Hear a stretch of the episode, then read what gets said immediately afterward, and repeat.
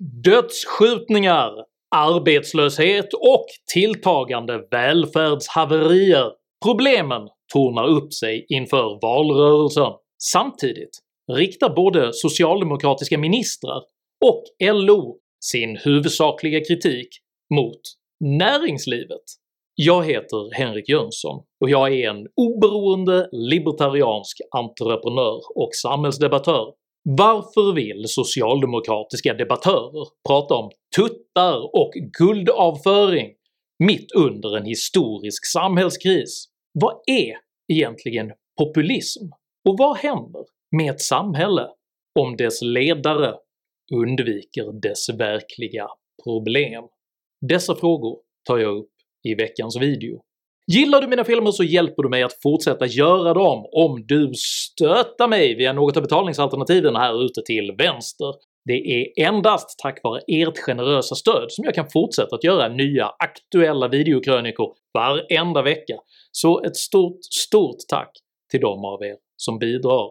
Är du ny här på kanalen så kan du dessutom med fördel prenumerera här nedanför, klicka på den där populistiska klockikonen, men se framförallt till att prenumerera på mitt kostnadsfria veckobrev som finns länkat i videons beskrivning, för då missar du garanterat aldrig när jag släpper nya filmer, vilket jag gör med samvetsgrann hederlighet varenda lördagsmorgon klockan 08.00 svensk tid. Idag pratar jag om politik, problem och populism. Häng med!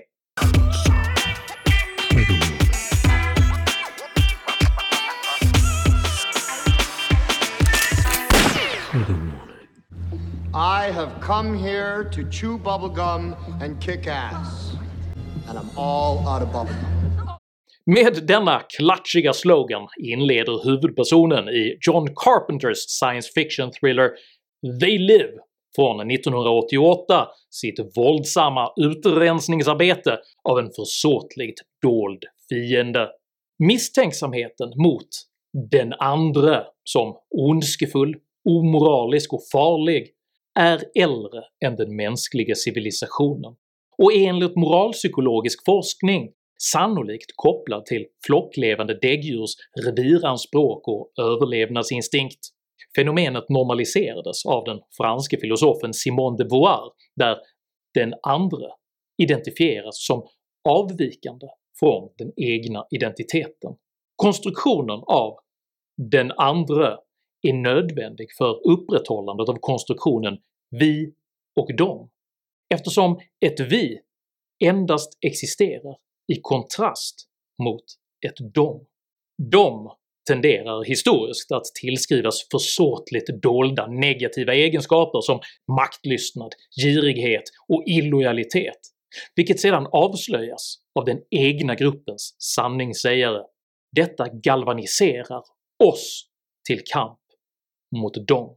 I filmen “They Live” uttrycks detta genom att protagonisten får tag på ett par magiska glasögon vilka ger honom förmågan att se igenom den andres konspirationer och därigenom avslöja en utomjordisk kapitalistisk konspiration syftande till att förslava mänskligheten. Att den som vill omstörta samhällsordningen genom populistisk antagonism tenderar att utpeka just framgångsrika och välbesuttna individer som sina fiender är historiskt väldokumenterat. Redan i Homeros 2700 år gamla epos Odysseen smädas den mäktige Odysseus av den halsstarrige unge Laodamas genom anklagelser om att vara en gniden handelsman snarare än en ädel atlet. Under århundraden har på samma sätt texten “Sions vises protokoll” använts för att sprida hat och misstro mot den ofta ekonomiskt mycket framgångsrika judiska kulturen. Och i modern tid är det ofta framgångsrika företagsledare och entreprenörer som blir måltavlan för populisternas hat. Detta beror både på att framgångsrika grupper i allmänhet försvarar den etablerade samhällsordning som populisterna vill riva ner, och för att man själv kan lägga vantarna på deras rikedomar om man lyckas. På 3000 år har mycket lite förändrats.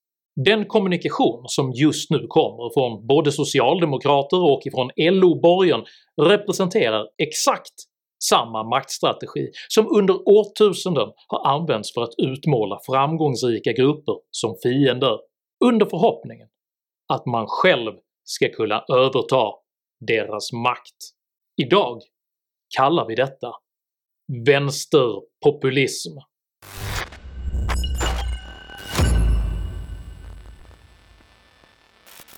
Att klandra dem man inte gillar för naturvidriga excesser är som sagt inget nytt demagogiskt påfund, men i Sverige är just nu statsminister Stefan Löfvens före detta talskrivare Daniel Svedin obestridligen nationell mästare i populistisk vulgaritet. I en text med den publikfriande rubriken “Så kan vi få de superrika att sluta köpa tuttvodka” vilken nyligen publicerades i LOs största tidning Arbetet skänker oss Daniel Svedin en hisnande inblick i en världsbild fylld av sinistra matinéskurkar, diaboliska konspirationer och genomgroteska perversioner. Så kallade “rika knösar” påstås pressa hederligt folk på skattepengar för att kunna förvandla sin egen avföring till guld, samtidigt som de rusigt bälgar i sig vodka som buteljerats drypande från fotomodellers skälvande silikonstinna barm. Och det är alltså på grund av dessa onaturliga excesser som Sveriges svagaste sedan påstås ha blivit fler och fattigare än på ett halvt sekel. Guldavföring ställs alltså mot folkets lidande.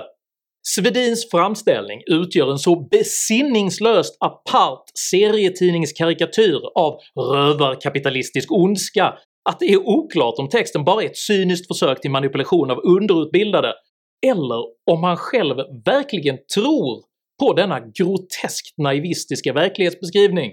För att bringa någon form av grundläggande ordning i Svedins flod av hyperbola anklagelser och utfästelser ägnade jag 15 minuter åt att faktakontrollera hans text och kan konstatera att den uteslutande består av missrepresentation, okunnighet och rena felaktigheter. Svedins eldfängda diatrib inleds med en lång rad påståenden om miljardärer, vilka sedan ställs mot det helt orelaterade konstaterandet att Sveriges vård just nu är mycket ansträngd och att arbetslösheten är hög.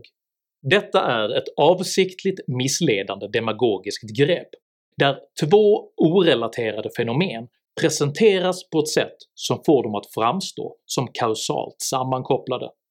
Miljardärerna blir fler och arbetslösheten ökar. Miljardärer skapar arbetslöshet, men att det finns miljardärer har ingenting att göra med att en global pandemi just nu överbelastar vården och minskar arbetsbehovet. Att påstå något annat är ren Vänsterpopulism Svedin fortsätter. I veckan rapporterade Statistiska centralbyrån att inte sedan 1970-talet har fler personer i Sverige levt med låg ekonomisk standard än nu. Detta påstående gränsar faktiskt till direkt lögn, för här blandar Svedin samman begreppet relativ fattigdom med reell fattigdom. Enligt Statistiska centralbyrån har samtliga svenska inkomstklasser ökat sina intäkter sedan 1970. Exempelvis har ensamstående kvinnor utan barn idag hela 43% högre inkomster än vad de hade 1991. Om man tittar på inkomststrukturen som helhet kan man dessutom konstatera att lönespridningen pressats samman något och att skillnaden mellan svenska inkomstklasser alltså faktiskt är mindre nu än tidigare. Vad som däremot har förändrats är att Sverige har tagit emot ett stort antal invandrare som just nu åtnjuter försörjningsstöd. Och försörjningsstödet är inte utformat för att följa löneutvecklingen som om det vore en form av karriär, utan ska istället tjäna som en tillfällig stödåtgärd tills den som uppbär det kan börja försörja sig själv. Alla som arbetar i Sverige har alltså inte bara blivit rikare, utan även något mer jämlika.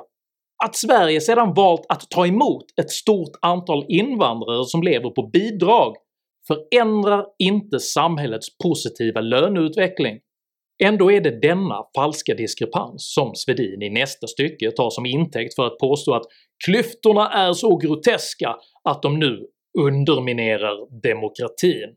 Detta stämmer inte heller.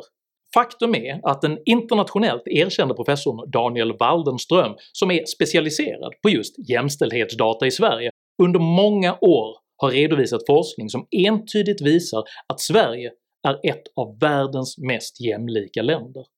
Efter detta ägnar Svedin ett helt sjok paragrafer åt allmän och grundlös smutskastning av borgerliga politiker, företagsledare och entreprenörer av alla slag, vilka framställs som ett gäng konspirerande hedonister som flyr från skatter, trots att företagen står för 80% av Sveriges BNP.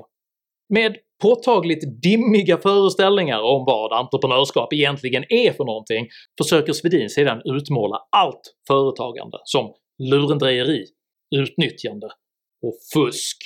Man köper fastigheter och väntar på att de ska stiga, man föds in i rikedom och kan starta en hedgefond, man är direktör och får pengar av det gemensamma genom att underbemanna verksamheten.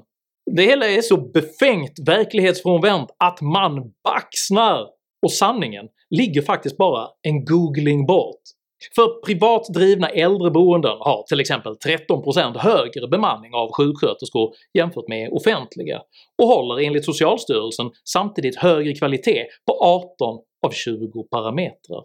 Trots detta uttrycker Svedins aningslösa appell på rent ideologisk grund sedan krav på förstatligande. Om vi gemensamt äger järnvägen, posten och annan infrastruktur så kan inte astronomiska aktieutdelningar plockas ur svenska kunders fickor.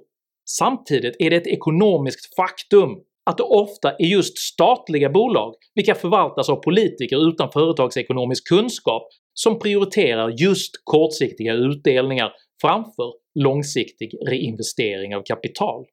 Slutligen sammanfattar Svedin omedvetet sin egen socialistiska vanföreställning om hur ekonomi fungerar. Det är så man blir rik. Genom att ta kontroll över sådant folk behöver eller vill ha. Som man känner sig själv känner man andra.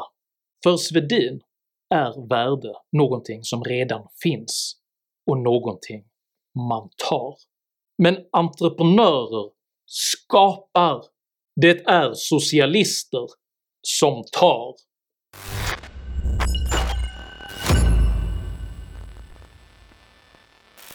Svedins text utgör dock bara ett underhållande exempel på en mycket större vänsterpopulistisk kommunikationstrend vilken med stor sannolikhet koordineras från socialdemokraternas partihögkvarter på Sveavägen 68. I DN krävde exempelvis LOs ordförande Susanna Gideonsson nyligen införandet av en ny så kallad rättviseskatt på alla årsbruttoinkomster över en miljon kronor vilken med skolbokspopulistisk prosa påstods vara riktad mot en elit han uppenbarligen uppfattat vara orättvist kompetent. Samtidigt vill LO döpa om jobbskatteavdraget till “avdrag för vanligt folk” vilket i korthet innebär att det även ska gälla personer som inte arbetar. Detta säger en hel del om LOs syn på vad vanligt folk egentligen gör. En skatt som bestraffar kompetens och ett avdrag för dem som inte arbetar. Detta är ren vänsterpopulism. På samma sätt var finansminister Magdalena Andersson tidigare i år mycket snabb på att utnyttja pandemikrisen som förevändning för att stärka statens makt, med det underförstådda budskapet att mer statlig styrning är vad som krävs för att lösa samhällsproblemen.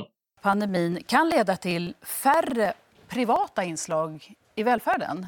Hur har du kommit fram till det? ökad kontroll. Öka kontrollen. Kommunerna kan ju öka kontrollen. Men jag säger öka kontrollen. Staten ökar kontrollen. Politikerna också ökar kontrollen. Ökad statlig styrning. Ökad statlig styrning. Öka styrningen. Bättre kontroll. Vi ska ha kontroll. Samtidigt visar en rapport som finansdepartementet tagit fram att Sverige behöver öppna ett nytt äldreboende var fjärde dag i sex års tid bara för att möta den nuvarande behovsnivån, vilket dessutom de facto beräknas öka med en äldrekvotsutveckling från 17% idag till 23% år 2050.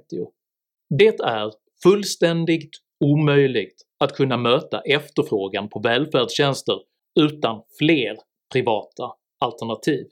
Att påstå någonting annat är ren vänsterpopulism.